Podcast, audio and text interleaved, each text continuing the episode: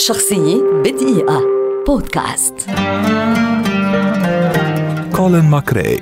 سائق راليات اسكتلندي شهير ولد عام 1968 ويعد واحدا من أبرز سائقي سباقات السيارات على مر التاريخ. عام 1986 دخل كولين عالم الراليات وشارك في أول بطولة عالمية سنة 1987 فلفت الأنظار ليصبح السائق الرسمي لفريق السوبارو عام 1991 وفي عامي 91 و 92 توج كولين ماكري ببطولة المملكة المتحدة للراليات وأصبح في السنوات التالية من أهم سائقي بطولة العالم للرالي خاصة بعد نيله لأول بطولة عالمية في تاريخه وكان رالي نيوزيلندا مسرحا لها عام 1993 اشتهر كولين ماكراي بقيادته الجنونية منذ ظهوره الأول واستطاع أن يبلغ أعلى درجات النجاح عام 1995 وفي السنة التالية حقق ماكراي بطولة العالم على متن السوبارو امبريزا 555 كما أنه أصبح فيما بعد وصيف لبطل العالم في الراليات في بطولة العالم سنوات 96 97 و2001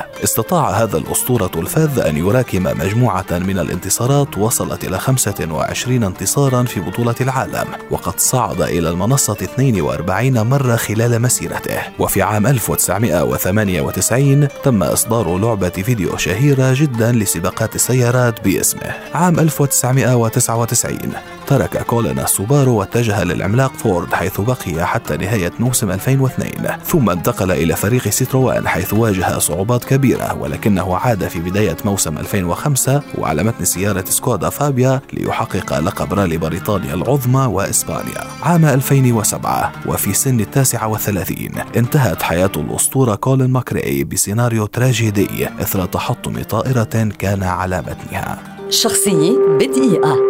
بودكاست.